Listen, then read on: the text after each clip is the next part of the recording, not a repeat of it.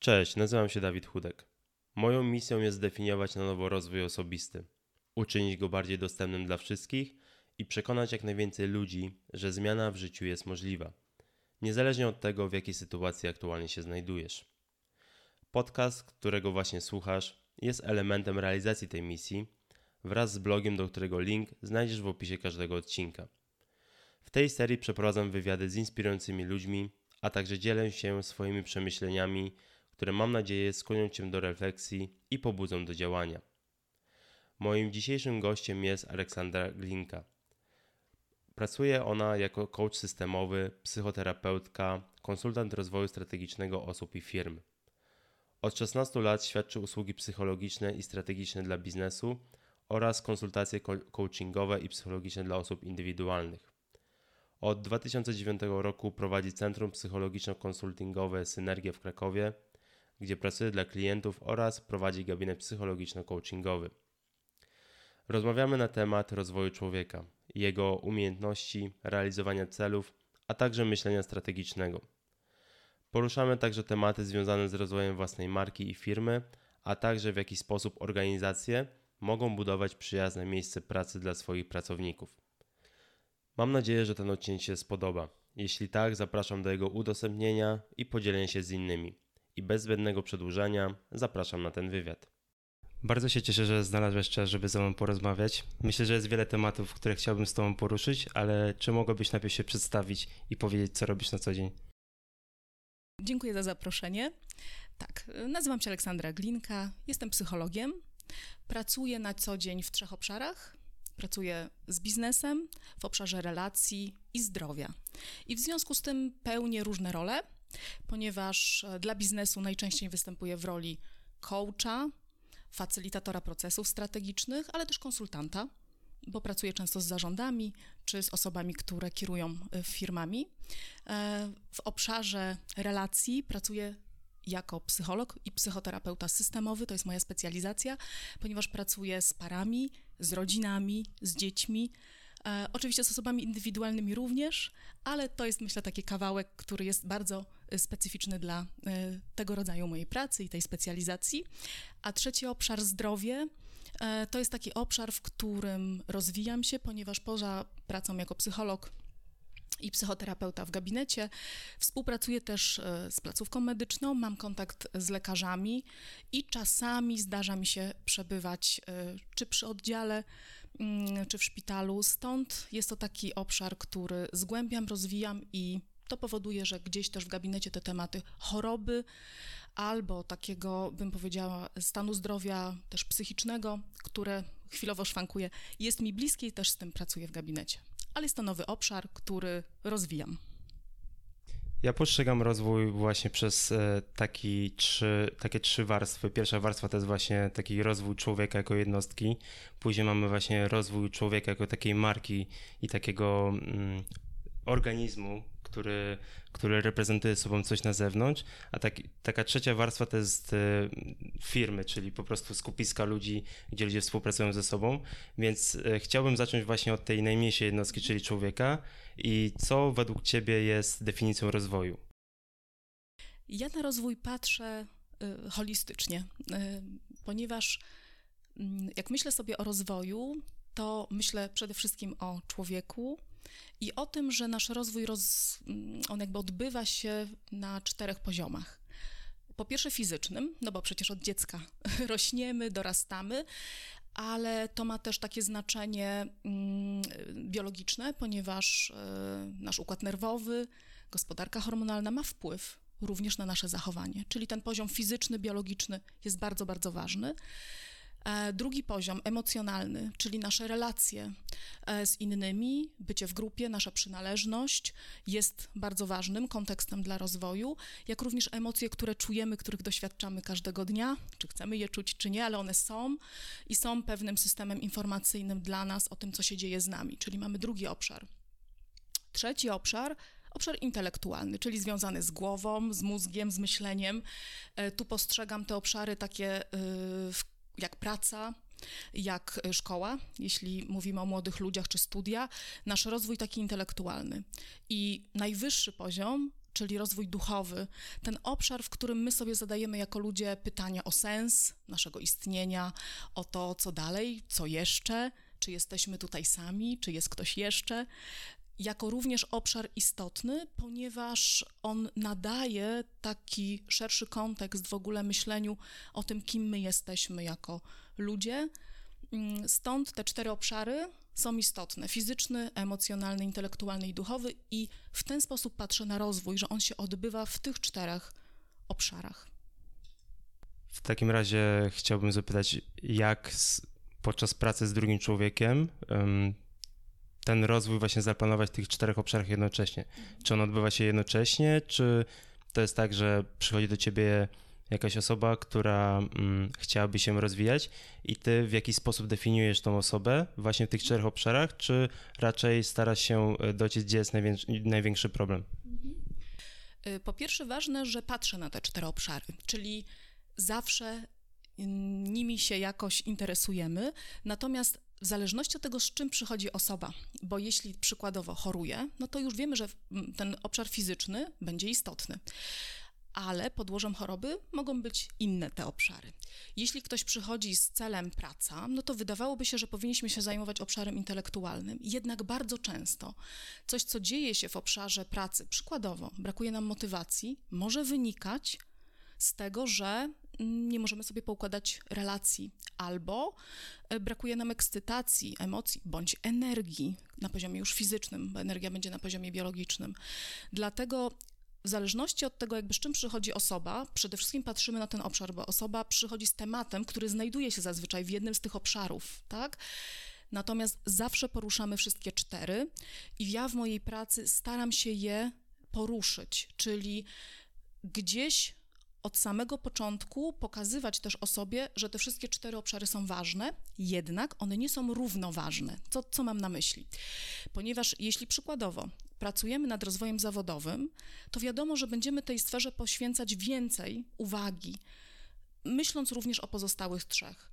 I będziemy częściej przebywać w tym obszarze. Jednak to, co jest ważne, i to myślę to, o co może pytasz, ja uważam, że człowiek, który się rozwija, który czuje się pełny i który jest. Mm, zadowolony z jednego z obszarów, on tak naprawdę potrzebuje funkcjonować we wszystkich czterech. Jest taka metafora czterech pokoi, bardzo ją lubię. Ona jest z hinduskiego y, takiego powiedzenia, że każdy z nas powinien codziennie y, zaglądać do czterech pokoi, po to, żeby je wywietrzyć. Nie musimy przebywać we wszystkich pokojach długo. Wystarczy, że do niektórych z nich wejdziemy na chwilę, na krótko. I możemy wyobrazić sobie, że mamy takie cztery pokoje: pokój fizyczny, pokój emocjonalny, pokój intelektualny i duchowy.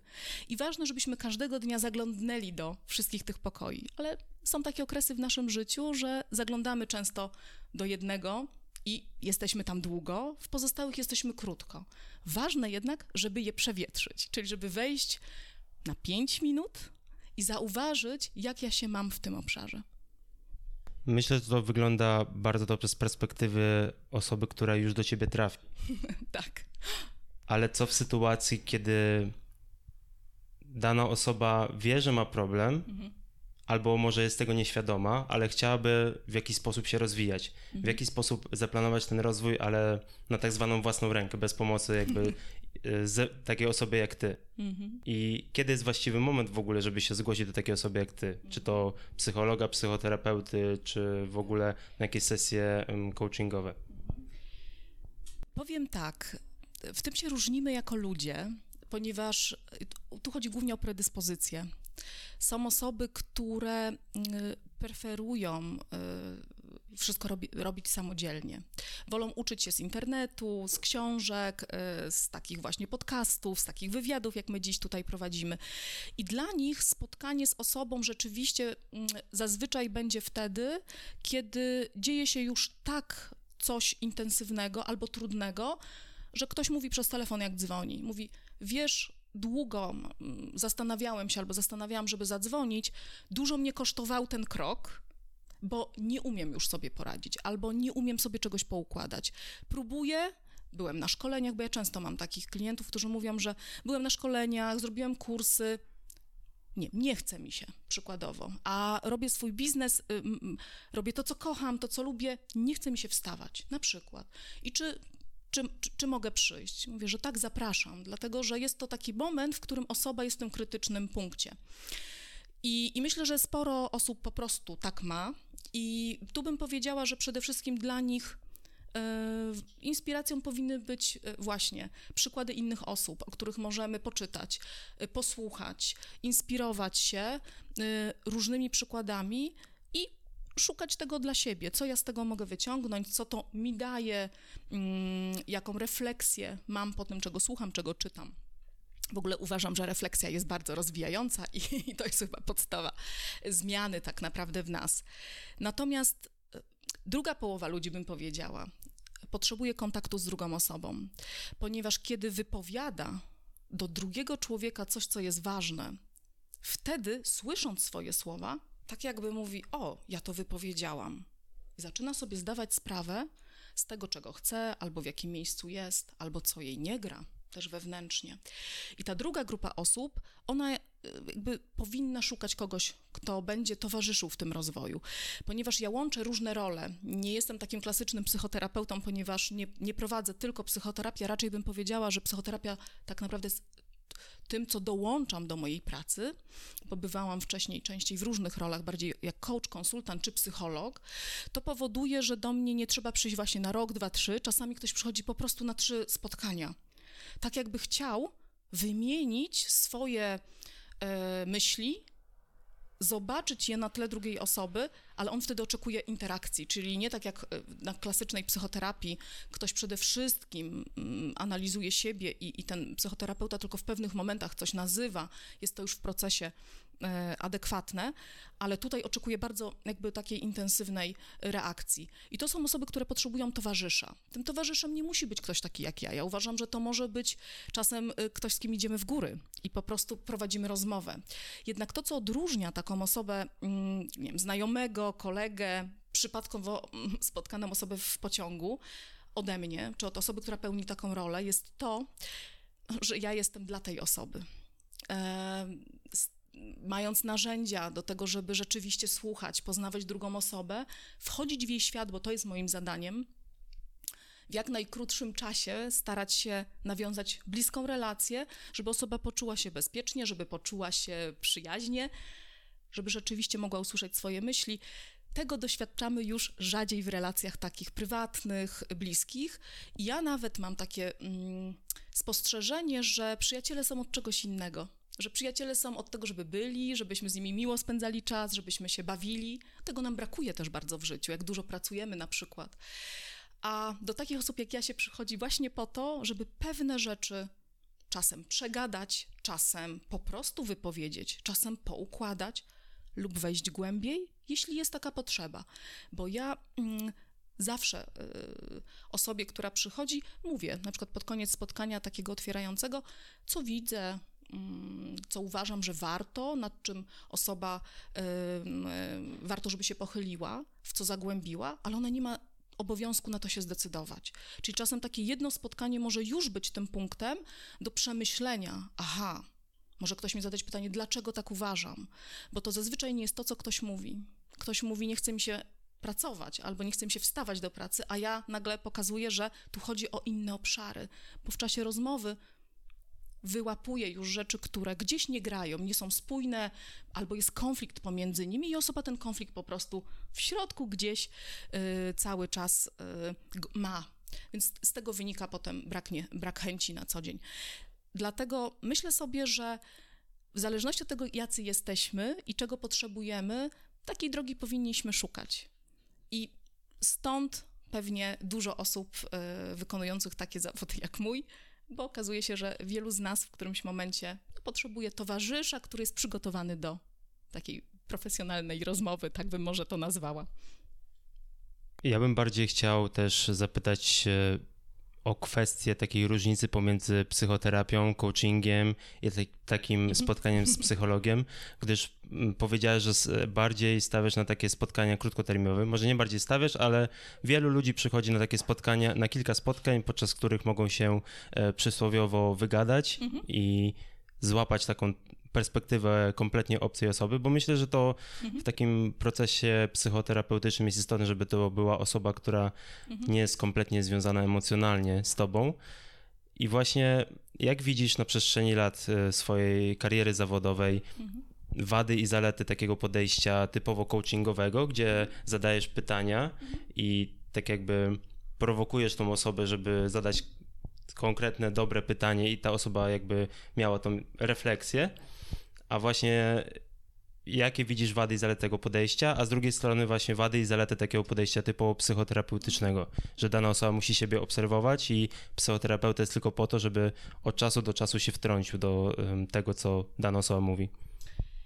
Ja bym powiedziała, że to są jakby różne formy e, rozwoju, bo one wszystkie służą naszemu rozwojowi, jednak mam poczucie, że służą innym celom. I dlatego ja w mojej pracy y, bywam w różnych rolach, dlatego że jest mi to potrzebne, dlatego że jak przychodzi osoba na pierwszym spotkaniu, my tak naprawdę nazywamy moją rolę. Oczywiście nie tak, że osoba mówi, kim ja dla niej będę, tylko ja odkrywam, w jakiej roli tu będę występować.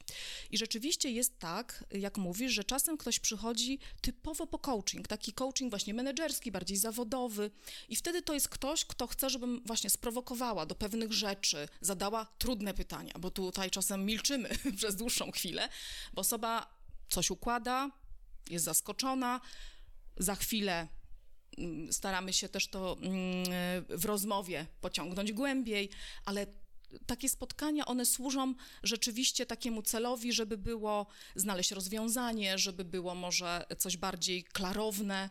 Czasami osoba sobie coś potrzebuje poukładać, upewnić się w czymś, co na przykład realizuje w pracy, czy robi to dobrze, bo, bo nie ma na przykład od kogo dostać feedbacku. To też jest częsty powód, że ktoś przychodzi i nie ma takiego mentora w swojej pracy, czyli y, szef nie jest tym, y, który jest inspirujący i po prostu osoba potrzebuje, y, rozwijając się ze mną czy z jakąś inną taką osobą przegadać pewne swoje mm, tematy. Więc to jest jakby inny cel. Gdy jestem tego typowo psychologiem, ludzie przychodzą mm, po wsparcie i po poradę czyli oczekują często propozycji rozwiązania. I wtedy od razu pojawia się pytanie, co ja mam zrobić? Pojawia się pytanie, mm, kiedy na przykład pracuję z rodziną y, i ktoś przychodzi tylko na jedną konsultację, bo mm, chce dowiedzieć się, nad czym trzeba się pochylić, czym się zająć, to moim zadaniem jest tak naprawdę głównie diagnoza diagnoza i pokazanie, że to jest ważne, danie pewnych wskazówek, bo to oczywiście to nie są rady, tylko wskazówki, że warto, aby na przykład nie wiem, rodzice popracowali nad swoją relacją, daje wskazówki, co jest tu istotne. Oczywiście proponuję, że mogą przyjść na kilka spotkań do gabinetu, ale na to się mogą nie zdecydować, bo nie zawsze kontraktujemy tyle spotkań, tak?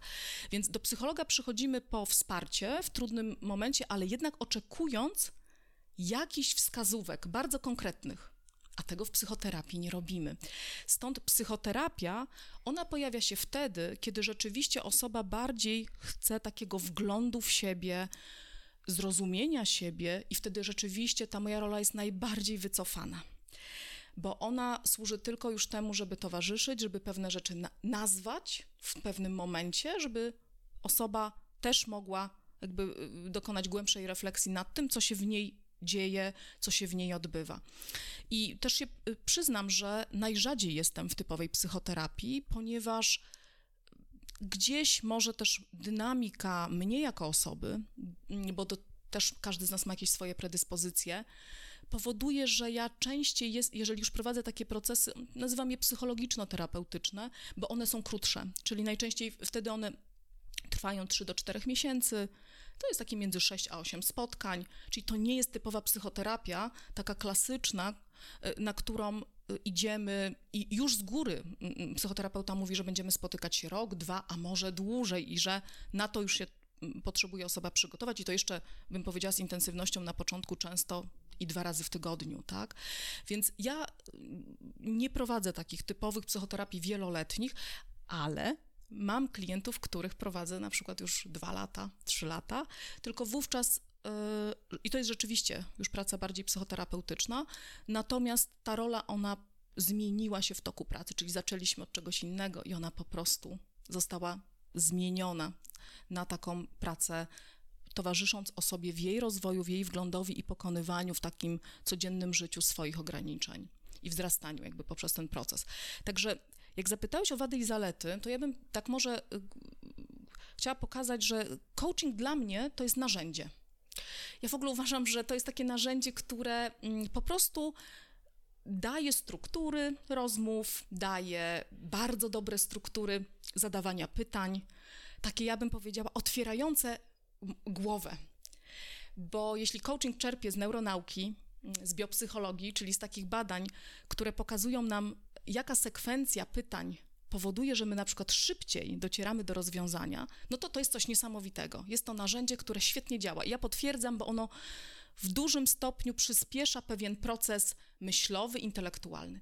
Ale dla mnie coaching to jest po prostu narzędzie. Ja je poznawałam y, w toku mojego rozwoju zawodowego i w ogóle nigdy nie myślałam, że to może być jakby zawód, że raczej mm, patrzę, że jestem zawsze psychologiem i używam coachingu. Bywam w roli coacha, no bo się też zwyczajowo tak mówi. Natomiast y, psychologia psycholog, psychologia to jest dla mnie dziedzina. No to jest y, w ogóle to jakby nie ma y, jak porównywać, ponieważ jest to dziedzina naukowa. Y, tu mamy nurty, mamy koncepcje, modele, podejścia, które też wnoszą bardzo wiele do naszego myślenia. Myślę, że przede wszystkim to jest sposób myślenia, wiedzy o człowieku, o naszych postawach, zachowaniach, przekonaniach. Czyli tu byśmy mieli do czynienia w ogóle z całą dziedziną i z nauką, z badaniami.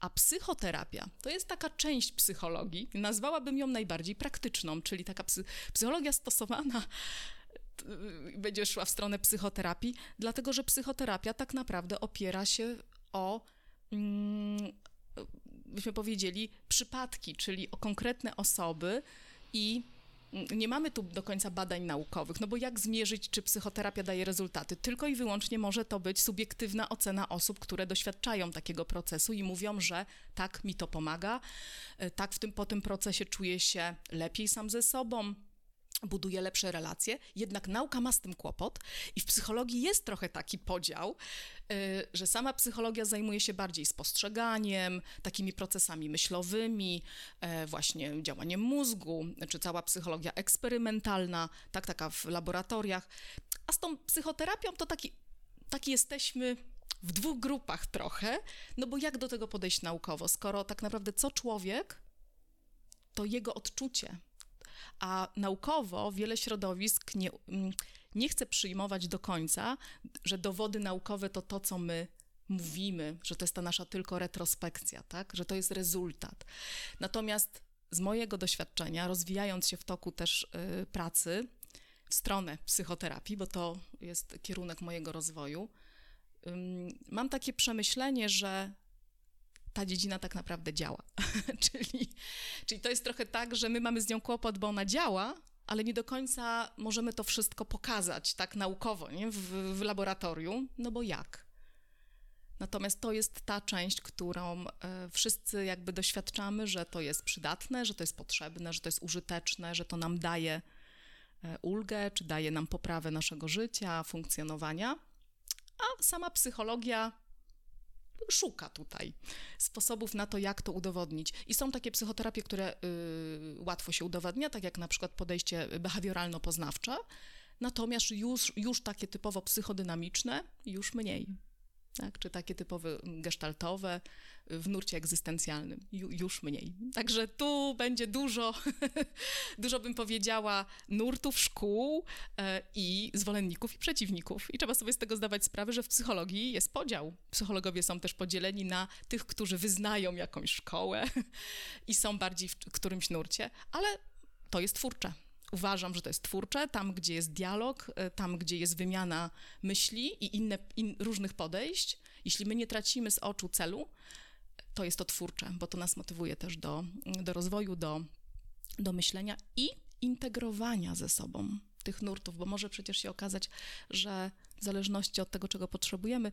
różne podejście psychoterapeutyczne będzie bardziej skuteczne w tym konkretnym przypadku. Ja uważam, że psychoterapeuta nie powinien być w jednym nurcie, tylko lepiej, żeby poznawał też inne i miał nurt wiodący, mm, taki, w którym się może najbardziej odnajduje, jest mu on najbliższy. I ja również mam taki nurt, tak, bo mój nurt to jest typowy systemowy e, i to jest nurt, w którym się mm, rzeczywiście odnajduję najbardziej, najmocniej, więc też mam swoich zwolenników i przeciwników psychologii. Myślę, że największym problemem psychoterapii, e, jeśli zapytam inne osoby, jest to, że nie ma takiego rezultatu od razu. Czyli przychodzi osoba z danym problemem, zazwyczaj z całą swoją historią i nie dostaje takiego rozwiązania od razu. Więc myślę, że to, co jakby to, co tym się zajmujesz, czyli takimi krótkimi spotkaniami, jest bardzo skuteczne. Więc chciałbym przejść do takiej strony praktycznej. Przeczytałem na Twojej stronie, że zajmujesz się diagnozowaniem psychologicznego potencjału, jeśli dobrze to przeczytałem, ale nie mam pojęcia kompletnie, co to jest.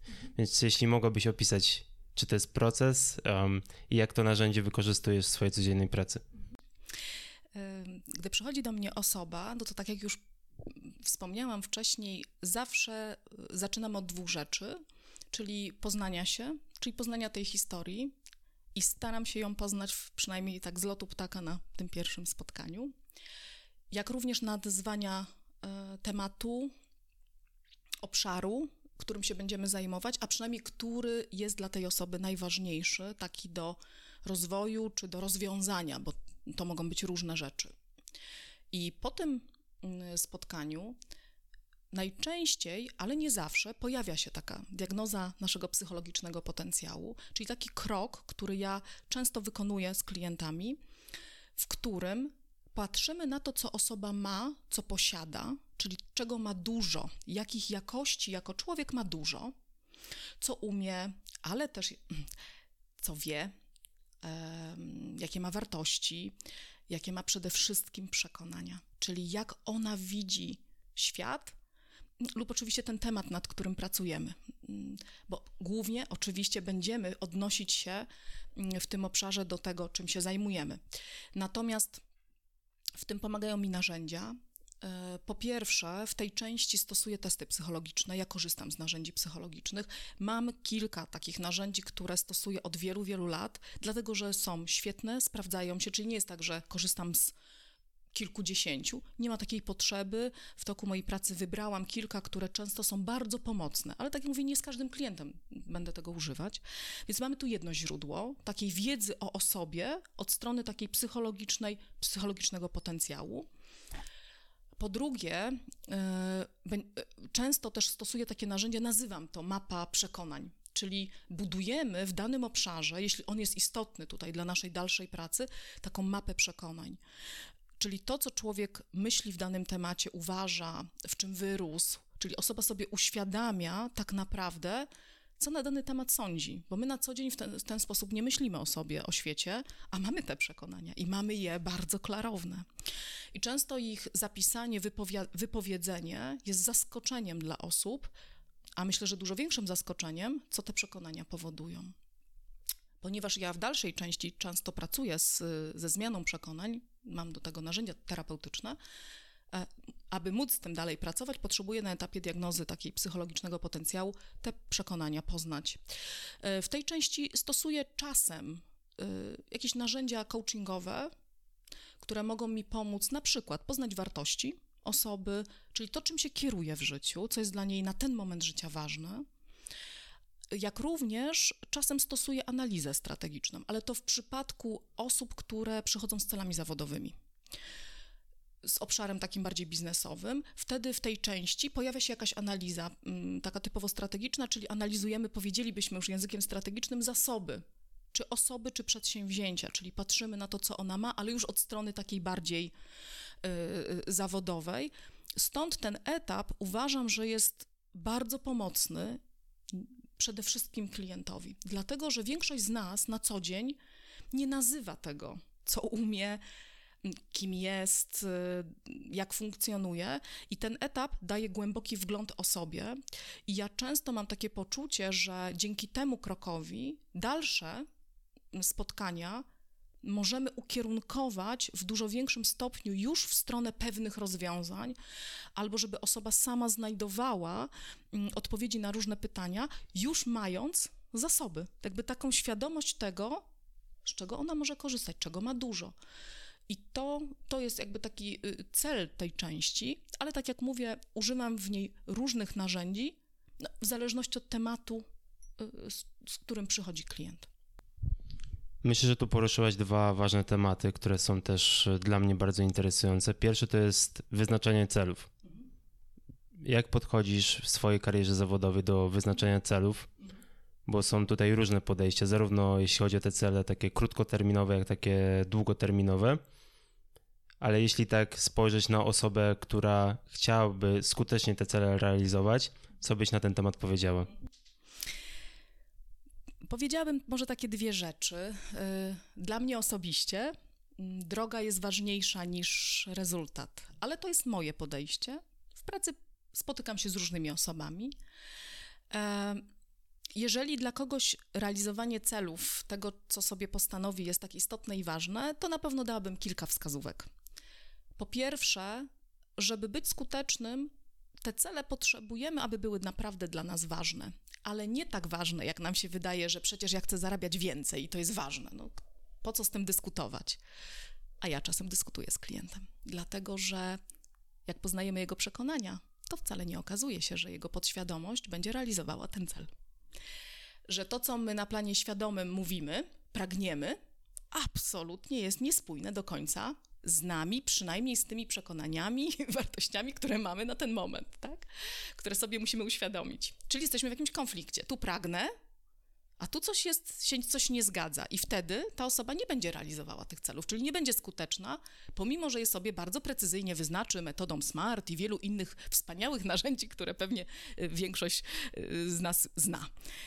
Dlatego ja przede wszystkim bym powiedziała, że żeby być skutecznym, trzeba po pierwsze okay, nazwać te cele, czyli sobie uświadomić, czego ja chcę, czego ja pragnę, czyli mieć jakąś taką wizję.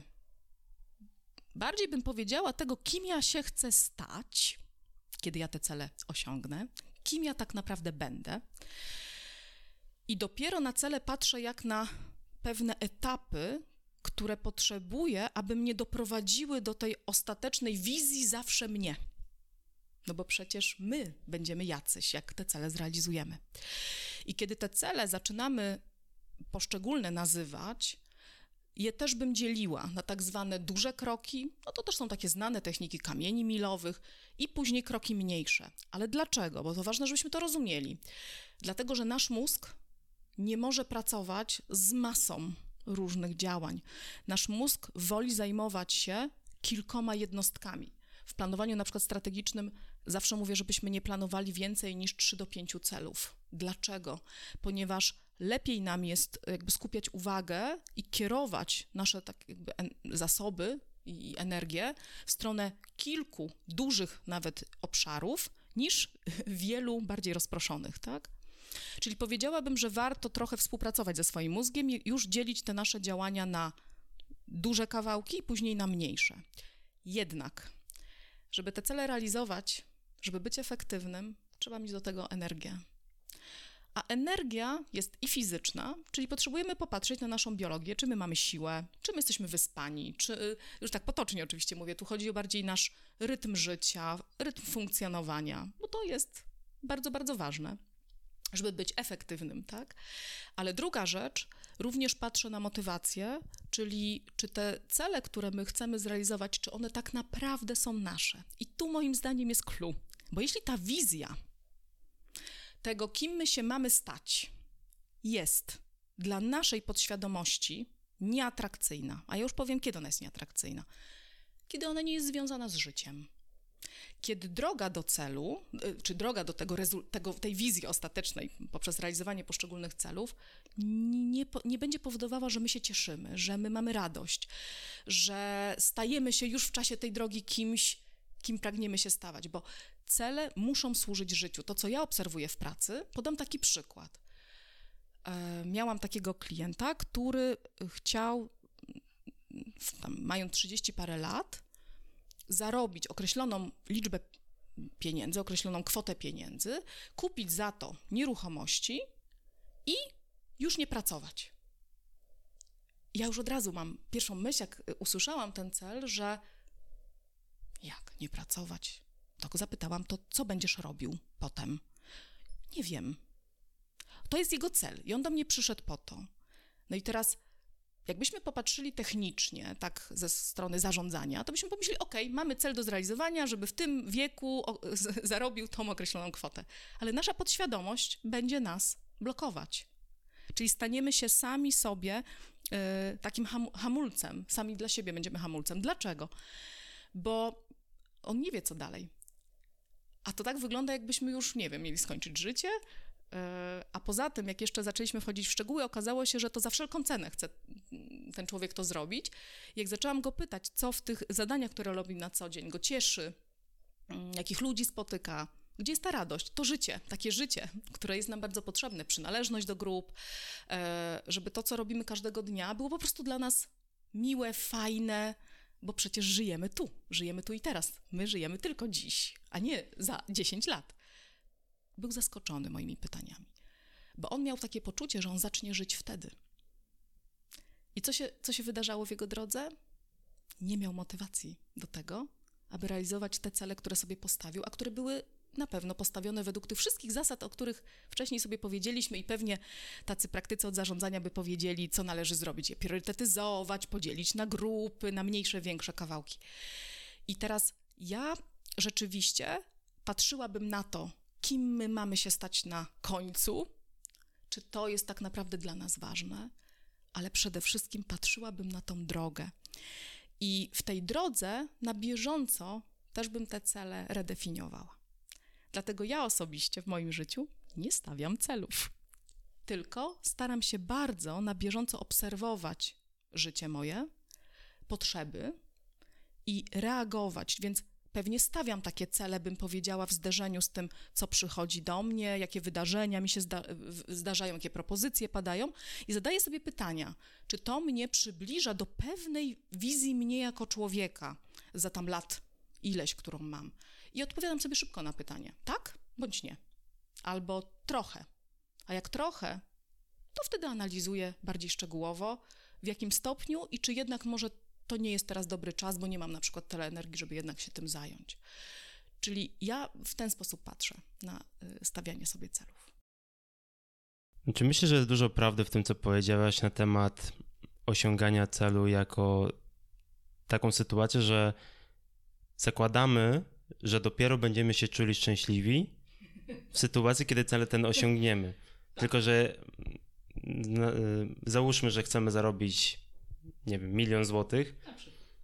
Tylko, że co w, w, sytuacji, kiedy ten już milion zarobimy? No i w, tak, wtedy pojawia się brak sensu.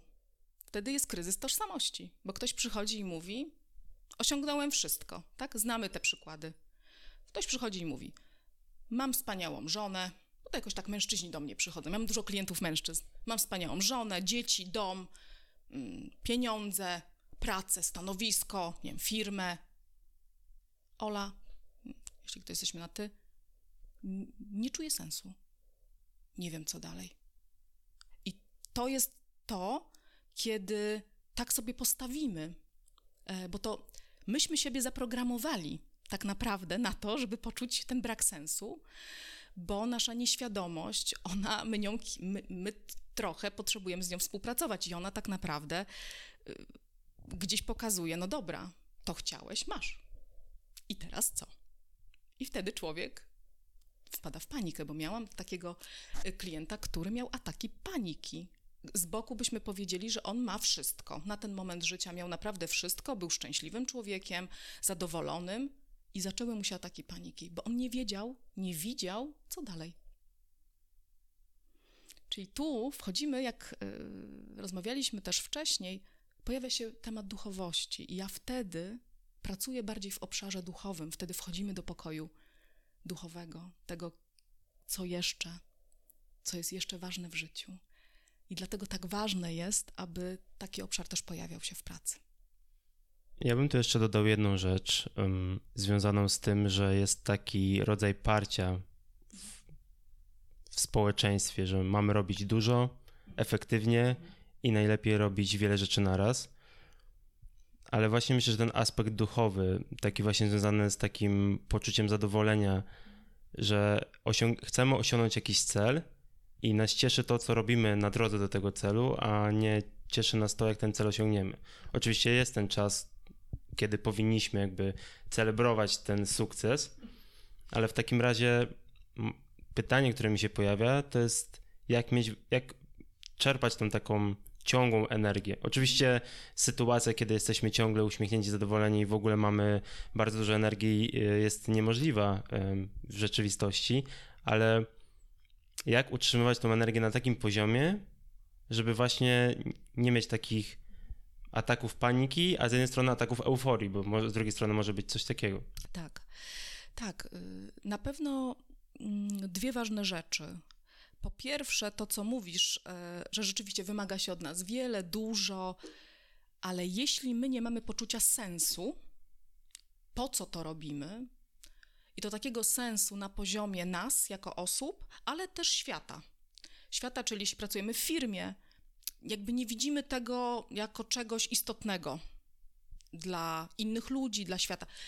Często ten sens jest, tylko my go nie widzimy bo nikt nam nie pomaga też w tym, nie, nie, pomaga nam y, odpowiedzieć na to pytanie i jakby rzeczywiście sami potrzebujemy na nie sobie odpowiedzieć, a na co dzień nie zajmujemy się tym, bo przecież robimy, bo przecież wykonujemy te zadania, wykonujemy pracę. Więc na pewno jest potrzebny, potrzebny nam sens, y, takie powiedzenie sobie, po co ja to robię. To jest, to jest rzeczywiście y, bardzo ważne, ale ja bym powiedziała coś takiego bardzo banalnego. Jeżeli bardziej skupiamy się na drodze niż na celu, droga musi nam sprawiać przyjemność. E, nawet jeśli jest trudna, ale jeśli my w niej dbamy każdego dnia o pewne elementy, które są po prostu dla nas ważne. Podam przykład. Przychodzimy do pracy, mamy dużo zadań do zrealizowania, ale wiemy, że spotkanie z drugim człowiekiem, jakaś rozmowa jest dla nas ważna. Albo to, że przez chwilę się pośmiejemy ze sobą, e, jest fajnie, lekko, jest też ważne, bo to jest życie. Życie to radość. Jak patrzymy na dzieci, Dzieci nam, są świetnymi nauczycielami, bo one nam pokazują, gdzie jest życie. Jak jest dużo życia, to jest dużo radości, dużo ruchu, e, dużo takiej ekscytacji, ale oczywiście ona nie może trwać wiecznie, natomiast jest jej dużo. I teraz nawet w pracy, którą wykonujemy, nie wiem, jest to praca skrupulatna, nie wiem, wpisywanie faktur, ona nie musi być uciążliwa, jeśli w tym dniu, w którym ja wykonuję tą pracę, mam te elementy, dbam o nie i oczywiście mogę o nie zadbać w pracy, mogę zadbać o nie po pracy, ale jednak potrzebuję w tym rytmie dziennym, tygodniowym, miesięcznym mieć poczucie, że ja żyję, że ja cieszę się tym życiem, że ja mam tą równowagę pomiędzy tymi obszarami. I oczywiście, że absolutnie momenty wysiłku, mm, wytężonej pracy są istotne i są też nam potrzebne, bo taki pewien rytm, pewna dyscyplina jest nam potrzebna też, yy, też do wzrastania. Natomiast nie możemy cały czas harować, tak jakby bez tchu, tak? Pracować każdego dnia po kilkanaście godzin i tak w kółko, i tak w kółko. I jak się tak zapędzimy, no to rzeczywiście mamy co? Albo wypalenie zawodowe, albo idziemy do psychiatry po, yy, po, po leki, i potem ktoś trafia do mnie, bo to taka kolejność zazwyczaj.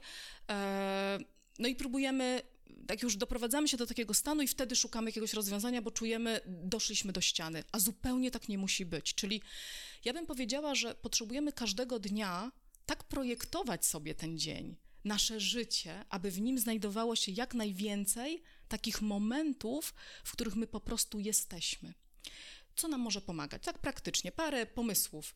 E, dużo osób dzisiaj korzysta z takich narzędzi jak mindfulness. Mindfulness robi karierę, ale czym to jest, czym jest mindfulness? No, chwilowym skupieniem uwagi na wypiciu herbaty, na medytacji, żebyśmy na chwilę zamknęli oczy, poczuli inną przestrzeń, siebie, nasze ciało, czy inne narzędzia bardzo podobne mogą nam w tym pomóc, bo one są takimi jakby momentami, w którym my się na chwilę zatrzymujemy, jesteśmy troszkę więcej w ciszy.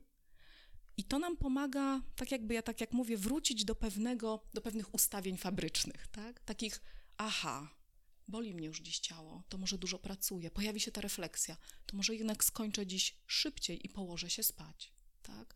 Bez tej y, pięciominutowej, krótkiej medytacji ja nie będę mieć tej refleksji, bo po prostu jadę na autopilocie, nie? Natomiast co jeszcze nam może pomóc, tak, nie każdy musi mindfulness, y, medytować, bo nie każdy to lubi. E, mienie zwierząt, pies. Od jakiegoś czasu mam psy, prostu przyjeżdżam do domu i trzeba z nimi wyjść na spacer. Po pierwsze się przejdziemy, aktywność fizyczna, jesteśmy na zewnątrz, nieważne jaka pogoda, y, blisko natury, bo to też nam daje dużo energii. Oczywiście najlepiej, żebyśmy zostawili telefon e, w domu na te po prostu 10-15 minut, czyli kontakt z naturą, kontakt ze zwierzętami. Jeśli mamy dzieci, absolutnie jest to fantastyczny moment, gdzie możemy z nimi po usiąść, powygłupiać się, jeszcze fajnie, nie wiem, poskakać, poprzewalać się na dywanie, pobawić, pobiegać z nimi, pożartować, powygłupiać się. Znowu mamy ten moment takiego innej aktywności, którą nasz mózg momentalnie odnotowuje.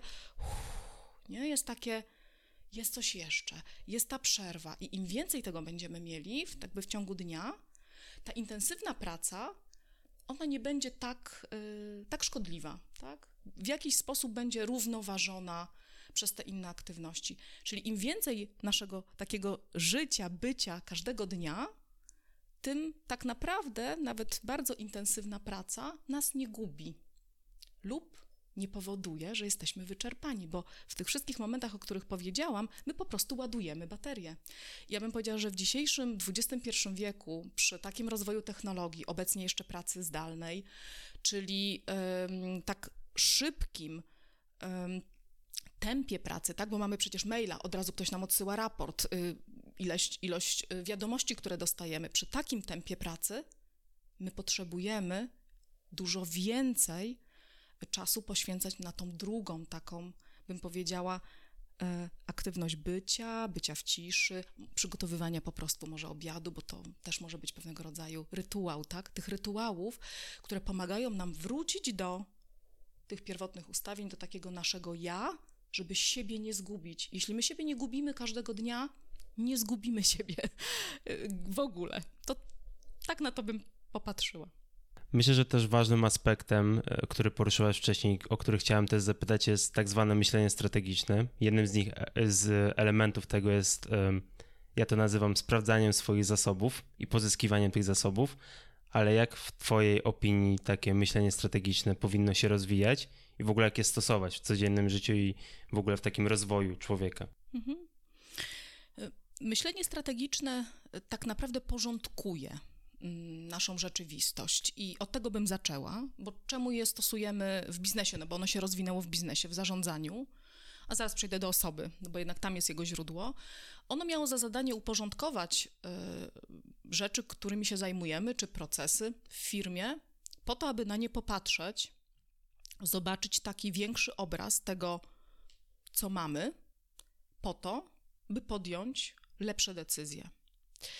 I jeśli w ten sposób popatrzymy, czym jest myślenie w ogóle strategiczne, to ja bym powiedziała, że w odniesieniu do człowieka mamy takie trzy bardzo ważne aspekty. Po pierwsze, zawsze, zawsze, zawsze potrzebujemy dowiedzieć się, skąd przychodzimy. To jest w ogóle jedno z takich podstawowych pytań strategicznych. W firmie zadamy pytanie, jak firma powstała, kto ją założył, dlaczego, jaki był pomysł to może być krótka odpowiedź. Natomiast w przypadku osoby to już będzie miało większe znaczenie.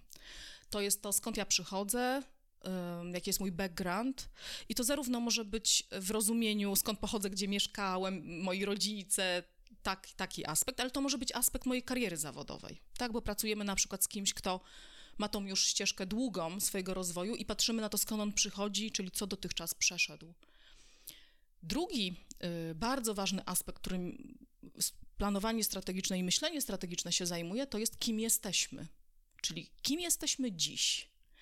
I w przypadku firmy, no to będzie, jacy jesteśmy dzisiaj, jaka jest nasza sytuacja. Tu będzie cała diagnoza stanu obecnego, tak? Jak firma jest duża, jak prosperuje, jakie ma y, zasoby takie materialne, jakich ma ludzi, jakie ma y, kompetencje, może jakieś unikalne e, umiejętności, czyli będziemy taki robić stan e, obecny. W przypadku osoby zadamy sobie pytanie, kim ja jestem dzisiaj, czyli jak wygląda moja sytuacja w życiu, co ja robię, czym się zajmuję, co jest dla mnie ważne. Tu wejdziemy w obszar wartości, tu wejdziemy w obszar zawodowy, w obszar rodzinny, jak y, również w taki rytm na mojego życia, jak ono wygląda. I to jest taki drugi element bardzo ważny. I trzeci bardzo ważny element, który jest nieodzowny i on, z nim się chyba najbardziej kojarzy, ja bym powiedziała, takie myślenie strategiczne, no to dokąd? my zmierzamy, czyli dokąd chcemy pójść. W przypadku firmy będzie to wizja, taka wizja tego, co my chcemy dalej, em, jaką firmą chcemy się stawać, ale to też może być, już nie musi być tak dale, daleko wzrocznie. To może być po prostu perspektywa za dwa lata, za trzy lata, tak? Tu może być tam, że za trzy lata chcemy wejść na przykład na określony rynek.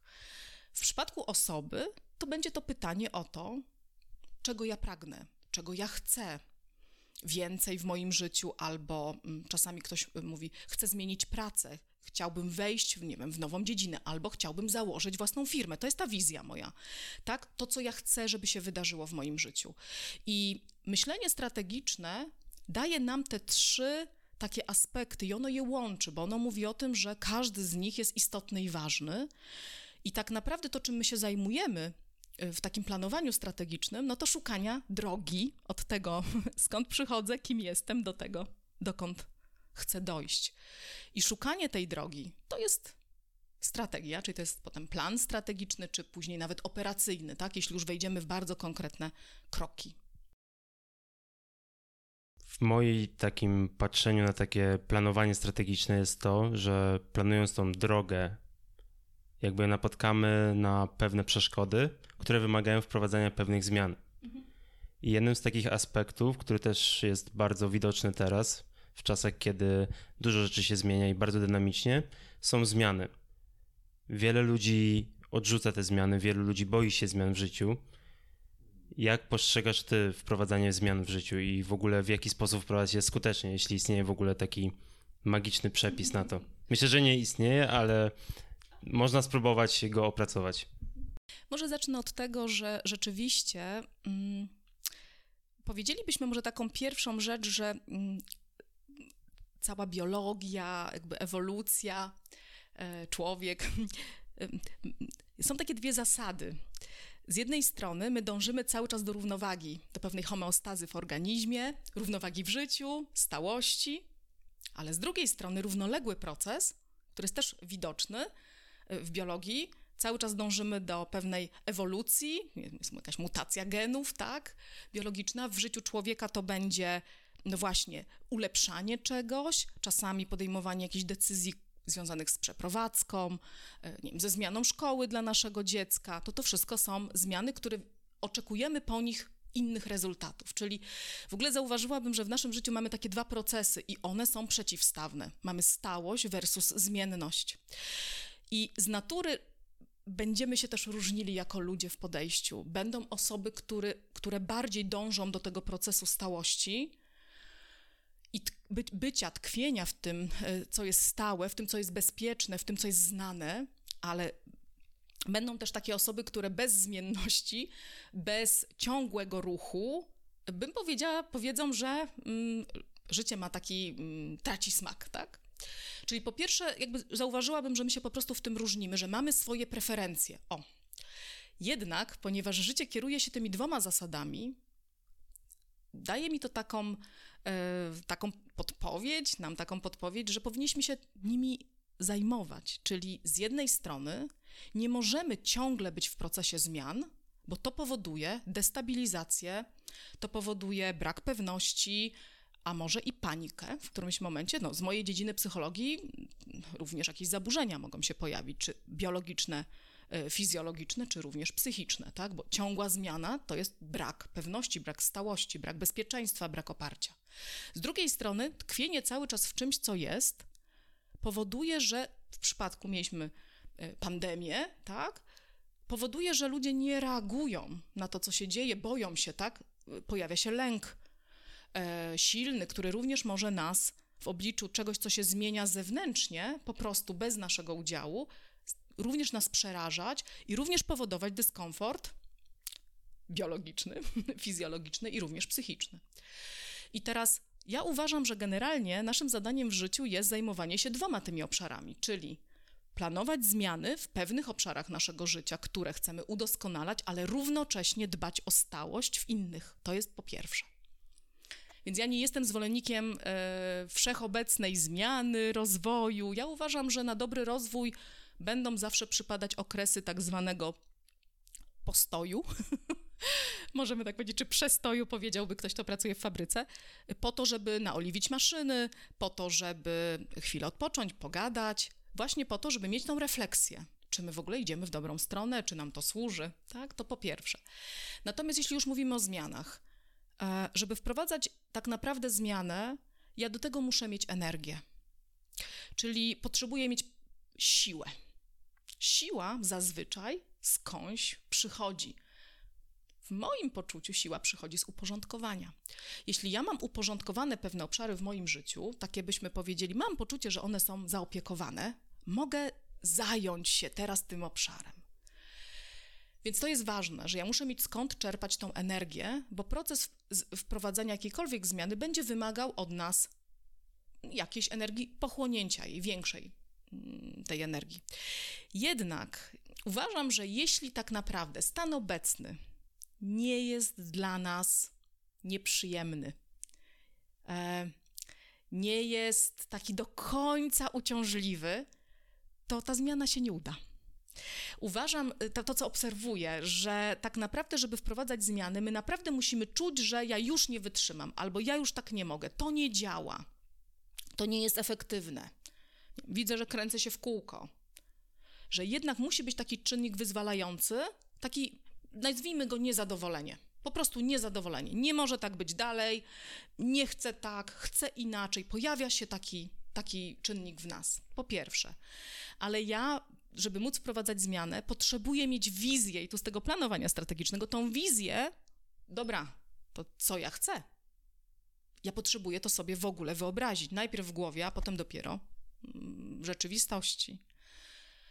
Jak mam tą wizję, to przynajmniej potrzebuję pozna mieć, poznać, nazwać pierwsze kroki, od których ja zacznę tą wizję realizować. I jeśli mam rzeczywiście to poczucie niezadowolenia, tego takiego stanu, który chcę osiągnąć i takie pierwsze kroki, od czego przynajmniej zacznę, to już bym powiedziała, jesteśmy na dobrej drodze do zmiany. Jednak e, to akurat w coachingu e, często się o tym mówi, że ten proces jest możliwy tylko wtedy, kiedy nasz opór wewnętrzny jest mniejszy.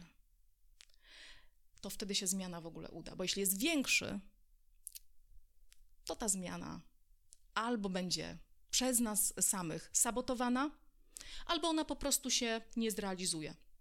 I taki przychodzi mi e, taki przykład do głowy, bo bardzo często w wielu firmach wprowadzane są zmiany mm, z racji rozwoju biznesu. Dlaczego ludzie często, pracownicy oporują? No właśnie dlatego, że oni nie widzą.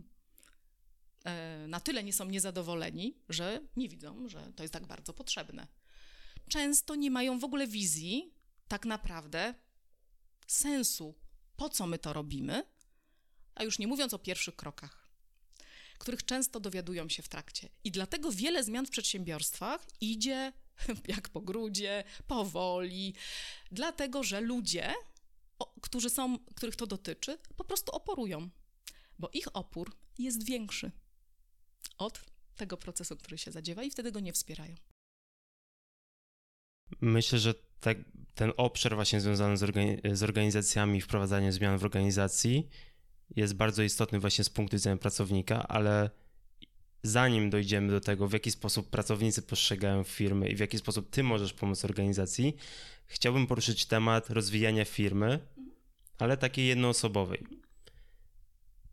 Pomyślałem o tym temacie, dlatego że wiele osób teraz stara się budować jakąś swoją markę. Zresztą ty też budujesz swoją markę jako, mm, jako psycholog, e, terapeuta i w wielu innych dziedzinach, ale dla osoby, która faktycznie nie wie, co chce robić, albo ma jakiś zarys tego, co chce robić, w jaki sposób budować tą markę skutecznie?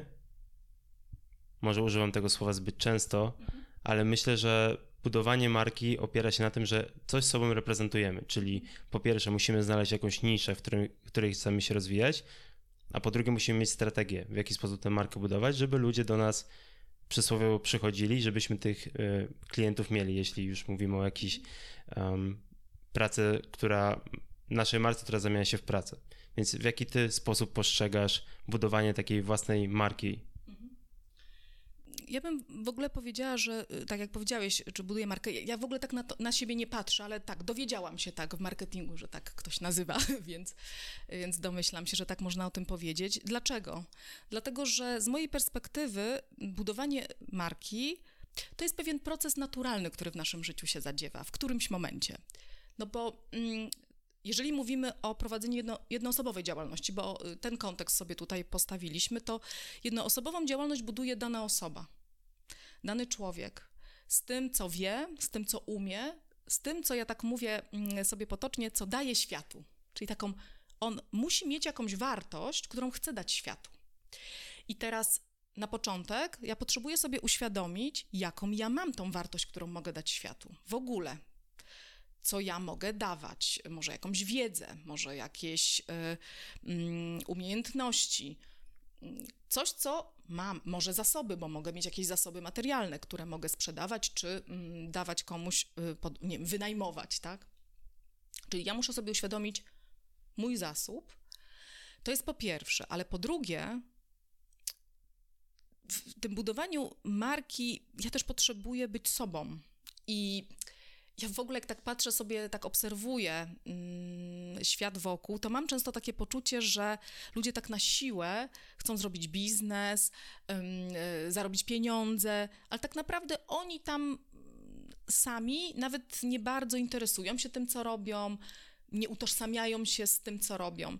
I w tym, w tym widzę pewną niespójność. Oczywiście to nie znaczy, że im, ich biznes się nie uda bo wtedy te osoby raczej będą wynajmować kogoś, tylko wtedy nie ma, nie ma do końca budowania marki osobistej. Wtedy mówimy o marce produktu, wtedy mówimy o przedsiębiorstwie, za którym po prostu są osoby, o których my często w ogóle nie wiemy, tak? To będzie ten drugi model taki budowania biznesu. Natomiast jeśli mówimy o takiej marce osobistej, gdzie my występujemy, tak jak ja, pod imieniem i nazwiskiem, to rzeczywiście to jest możliwe tylko wtedy, kiedy ja no, mam coś, co mogę dawać światu, i tu jest jeszcze właśnie drugi krok no muszę się dowiedzieć, czy świat tego w ogóle chce. Bo może się okazać, że ja mam coś, czego świat nie chce.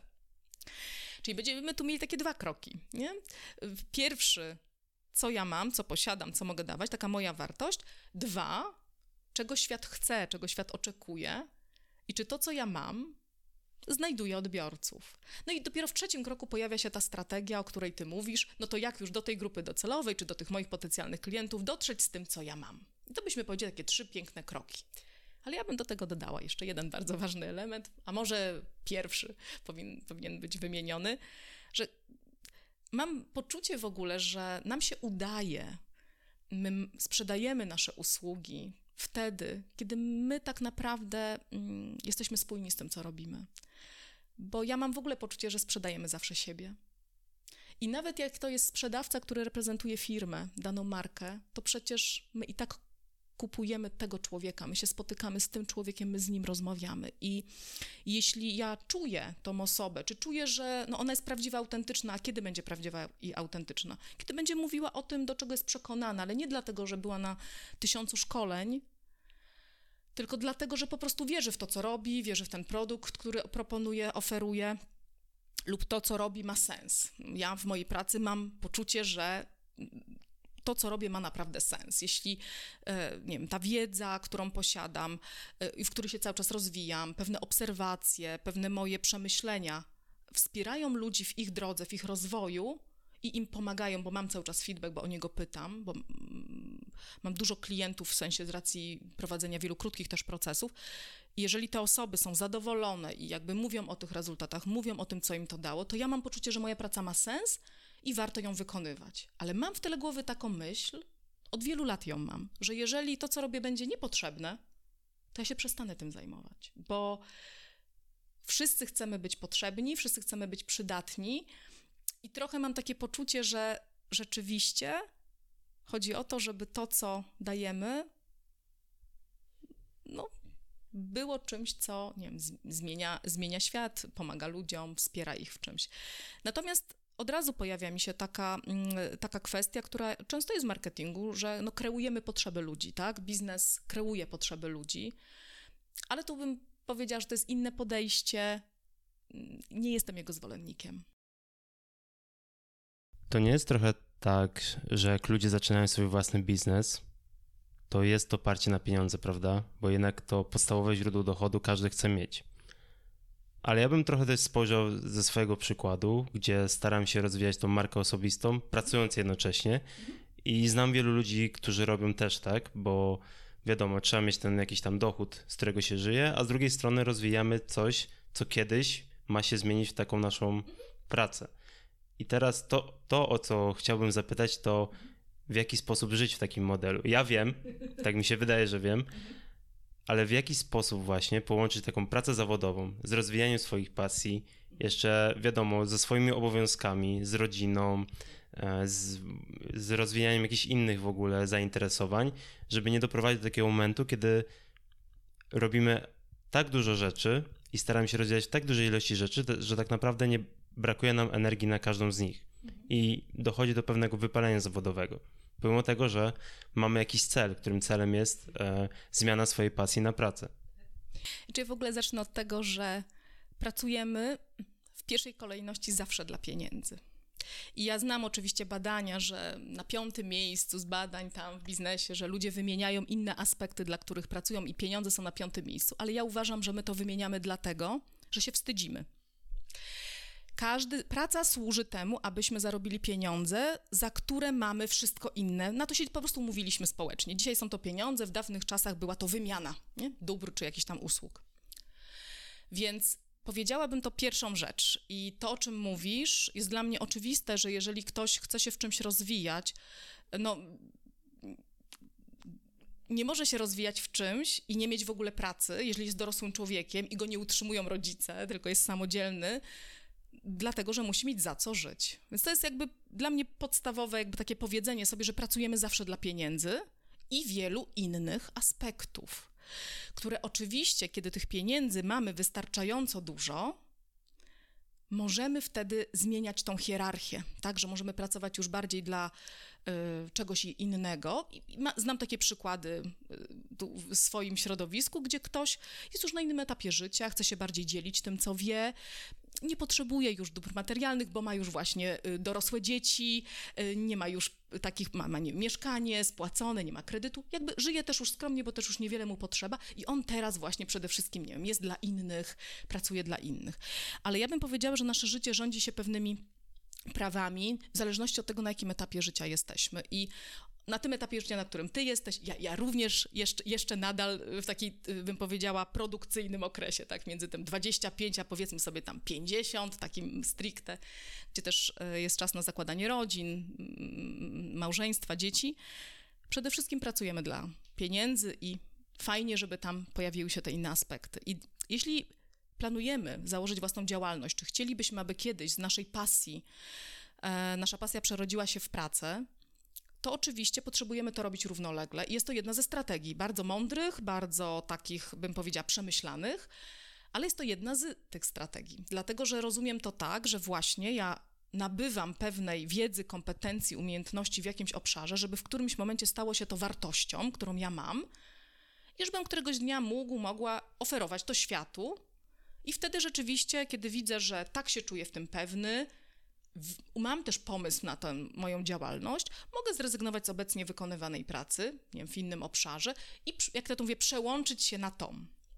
Ale, ja powiem, to jest takie ciekawe ale, że wtedy pasja staje się pracą. I mi się zdarza pracować z ludźmi, którzy tak zrobili, jak mówisz, że to, czym się interesowali, na przykład konie, uwielbiali jeździć konno, znaleźli się w takim momencie życia, w którym po prostu mieli na tyle sytuację finansową właśnie zaspokojoną, że mogli zacząć zajmować się tą swoją pasją. No i zajmowali się tą pasją, no i ona powolutku zaczęła się przeradzać w pracę. Dlaczego też w pracę? Bo potrzebujemy rytmu, potrzebujemy gdzieś chodzić yy, i osoba zaczęła tam zarabiać pieniądze. I co się zaczyna pojawiać? Dyskomfort. Coś, czego nie było w ogóle wcześniej. Wcześniej, kiedy to zajęcie było pasją, a praca była inna, to był odpoczynek, to był ten relaks, prawie to mindfulness, medytacja, tylko w kontakcie na przykład ze zwierzęciem. A teraz to zaczyna być praca, czyli nagle okazuje się, że mam do czynienia z różnymi klientami, którzy mają różne oczekiwania, z problemami, których konie chorują przykładowo, i ja nagle potrzebuję rozwiązywać wiele różnych problemów i niejednokrotnie usłyszałam, że nie mam siły albo nie tak to sobie wyobrażałem czy wyobrażałam. Więc myślę sobie, że mamy też taką chyba iluzję, którą sami sobie kreujemy, że praca musi być pasją. Fajnie, żeby w tej pracy, którą wykonujemy, ja w ogóle tak jak y, obserwuję i ludzi i siebie, fajnie, żeby w tej pracy, którą ja wykonuję obecnie, umieć znaleźć elementy, które mnie ciekawią, umieć e, te, te, takie, to co mówisz, rozwój, coś, co mnie y, y, może rozwijać, umieć to znaleźć. I jeśli to jest niemożliwe, jedną ze strategii jest realizowanie się poza pracą, ale ta praca na przykład może mi dostarczać pieniądze na to, żebym ja mogła na przykład właśnie jeździć konno, czy na przykład jeździć na jakieś warsztaty y, trzy razy w roku zagraniczne, bo po prostu się tym interesuję. I wcale nie musi ta strategia się zmieniać. I wcale ten model nie jest mniej satysfakcjonujący niż ten, przy którym my zaczynamy, przykładowo, kochamy chodzić w góry i zaczynamy być przewodnikami górskimi. Bo z czym my się wtedy zmierzymy? Ano z tym, że na przykład, jak ktoś pracował wcześniej w korporacjach, na wysokim stanowisku, miał dosyć dobre zarobki, nagle okazuje się, że jak będzie tym przewodnikiem górskim, on potrzebuje zmienić całe swoje życie, a przede wszystkim swoje oczekiwania finansowe, bo to jest inna dziedzina, w niej się inaczej zarabia. Bardzo trudno będzie zarobić tyle pieniędzy. Nie, nie mówię, że to jest niemożliwe, ale w, w, pierwszym takim przybliżeniu jednak widzimy, że to jest trochę inny świat i on po prostu prosperuje w innych, jak ja to mówię, przedziałach finansowych. I nagle osoba na przykład mówi, to jest moje pragnienie i marzenie, ale to może jednak będę je realizować równolegle. Zrobię sobie kurs przewodnika górskiego, ale będę to robił w weekendy, albo będę na pół etatu w pracy i będę realizować się w ten sposób i na przykład zarabiać tu jakieś pieniądze, ale jednak będę to łączyć, że to takie zamiana zupełna wcale niekoniecznie będzie dla każdego satysfakcjonująca, bo na przykład osoba mówi, nie chcę zrezygnować z mojego obecnego standardu życia. Więc trochę bym powiedziała, że jestem realistką chyba w tym, z czym pracuję i często moją rolą też jest urealnianie tych naszych marzeń, pragnień i fantazji do tego tak naprawdę, czego my potrzebujemy, czego my chcemy i co jest możliwe, bo zawsze jest y, droga do tego, aby to, co dzisiaj robimy, było fajniejsze, lepsze i nas spełniało, zawsze. I wcale ono nie wymaga wielkiej rewolucji, już tak powiem kolokwialnie, potocznie, nie wiem, sprzedaży domu, rezygnacji z firmy, kupienia agroturystyki w Bieszczadach i wyjechanie tam i, i, i wynajmowanie pokoi. Może komuś jest to potrzebne, ale jednak ja obserwuję, że to jest wąska grupa ludzi, która tak radykalnie zmienia życie, Większość z nas raczej poszukuje mm, jakiegoś łączenia, połączenia. Dlatego jestem zwolennikiem pewnej ewolucji, a nie rewolucji. Ale tak jak mówię, trochę przestrzegam przed tym, że jeśli pasja staje się pracą, nagle my się w niej możemy zderzyć z wieloma aspektami, których dzi y, dzisiaj nie zauważamy, no bo jeśli coś, coś jest pasją, to samo z siebie jest energetyzujące, nas ekscytujące, pochłaniające, bo po to to robimy. Jedną z rzeczy, którą jest takim moim przemyśleniem na temat przechodzenia na tak zwany własny etat, jest to, że może to nie jest dla wszystkich tak naprawdę. Że może takie życie, nie wiem czy można nazwać to komfortowym, mając taką stałą pracę, nie martwiąc się o, o wypłatę, jest y, dla wielu ludzi bardzo dobre. I nie dla wszystkich jest to, żeby zacząć być taką jednoosobową firmą i żeby jakby załatwiać te wszystkie rzeczy związane z własną firmą. Więc właśnie tutaj pojawia się dla mnie pytanie, jakie jest największe wyzwanie, albo z drugiej strony, jaka jest największa blokada dla ludzi, żeby zacząć właśnie budować tą własną firmę, a z drugiej strony, czy są jakieś umiejętności albo jakieś predyspozycje, które definiują danego człowieka, że jakby nadaje się do tego, żeby prowadzić ten własny biznes. Myślę sobie tak, że y, tak jak powiedziałeś, y, mienie etatu, y, poczucie, że co miesiąc dostanę wypłatę, jest bardzo komfortowe i daje pewną stałość i pewność. I dla wielu z nas to jest dobre. Natomiast prowadzenie własnego biznesu jakby kojarzymy z wolnością, z takim, e, że nikt mi nie będzie mówił, co mam robić. Tak, oczywiście, ale my, mówię, kojarzymy, nie? Kojarzymy z wolnością. Nikt nie będzie mi mówił, co mam robić. E, będę sobie sam tutaj sterem, żeglarzem, okrętem. Nie będę pracował z, z ludźmi, z którymi nie chcę. I całą byśmy mogli tu wymienić taką listę. Natomiast ja bym powiedziała, że to jest zupełnie inny sposób funkcjonowania. I sama prowadzę własną działalność. Y, w przeszłości też y, prowadziłam większe firmy, tam gdzie byłam też przełożoną i zatrudniałam ludzi. Teraz pracuję zupełnie na własny rachunek.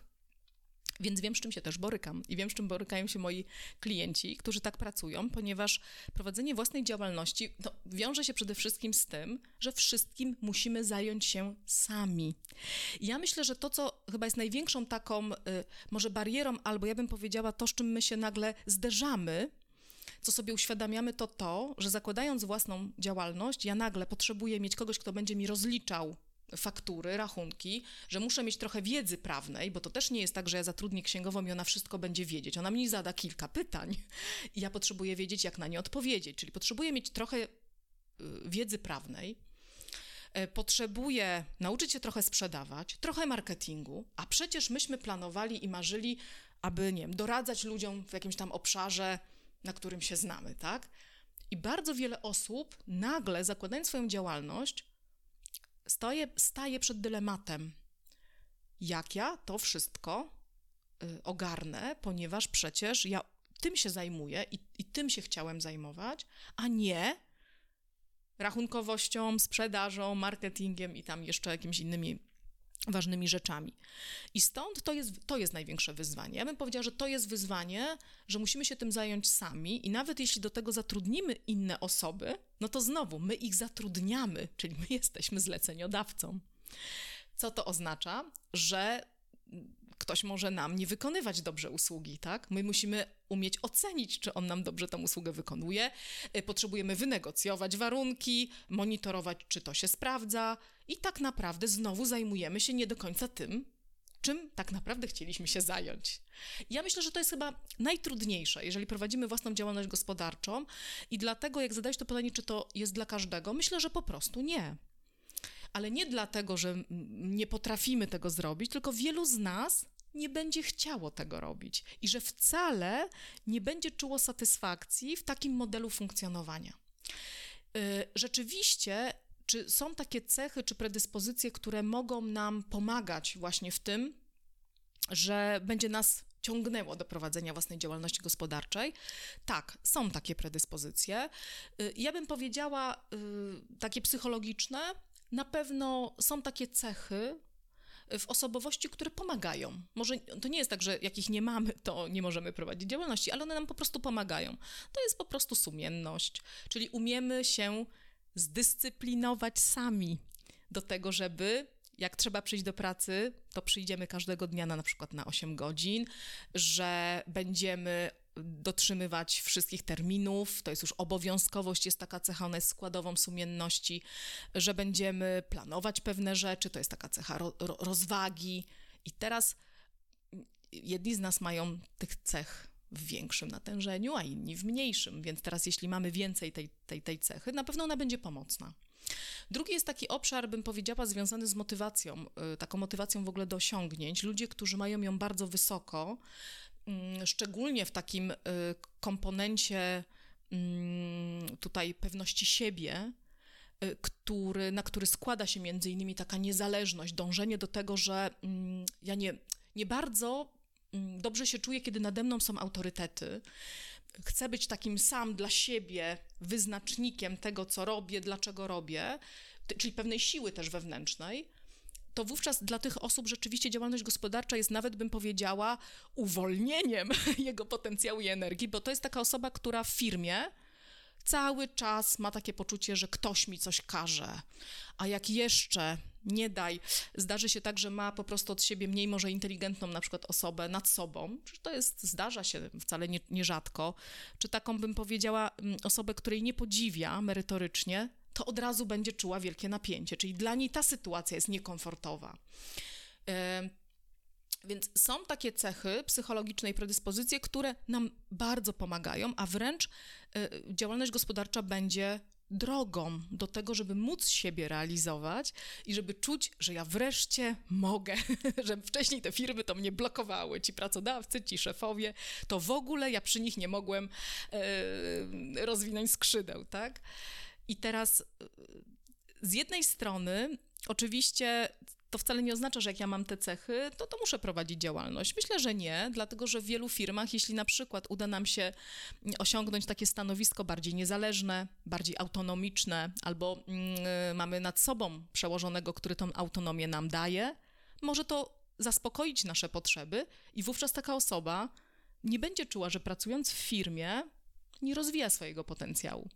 Dlatego ja bym powiedziała, że będziemy tu mieli do czynienia przede wszystkim z naszymi potrzebami, czyli rzeczywiście tym, czego my potrzebujemy jako my, jako ludzie do wzrastania. Dwa, jaką mamy wizję siebie, ale też trzy, czy mamy rzeczywiście do tego pewne predyspozycje mm, i czy chcemy zajmować się tymi wszystkimi obszarami, którymi po prostu w firmie się zajmujemy, bo jednoosobowa działalność, no to właśnie ja jestem trochę takim muzykiem grającym na wielu instrumentach. I stąd wiele osób nie decyduje się na zakładanie jednoosobowej działalności, tylko od samego początku na przykład szuka partnera, wspólnika, albo kogoś, kto będzie zarządzał firmą, czyli zajmował się tymi tak zwanymi procesami towarzyszącymi, y, właśnie takimi jak księgowość, jak marketing, sprzedaż jakaś organizacja, logistyka, a ta osoba, która jest tutaj tym takim, bym powiedziała, głównym, yy, główną osobą, która świadczy usługi, ona zajmuje się tą mery merytoryką, czyli y, tym, co my świadczymy. Nie wiem, na przykład jest to lekarz, tak?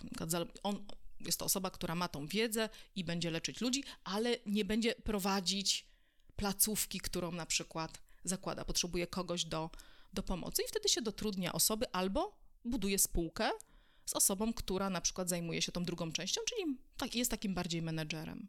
Czyli mamy też różne drogi do prowadzenia działalności, tylko wtedy wybieramy inną formę. W takim razie ja też życzę nam tego, e, żebyśmy się rozwijali tylko w dobrym kierunku i dziękuję Ci bardzo za poświęcony czas i podzielenie się swoimi doświadczeniami i swoją wiedzą.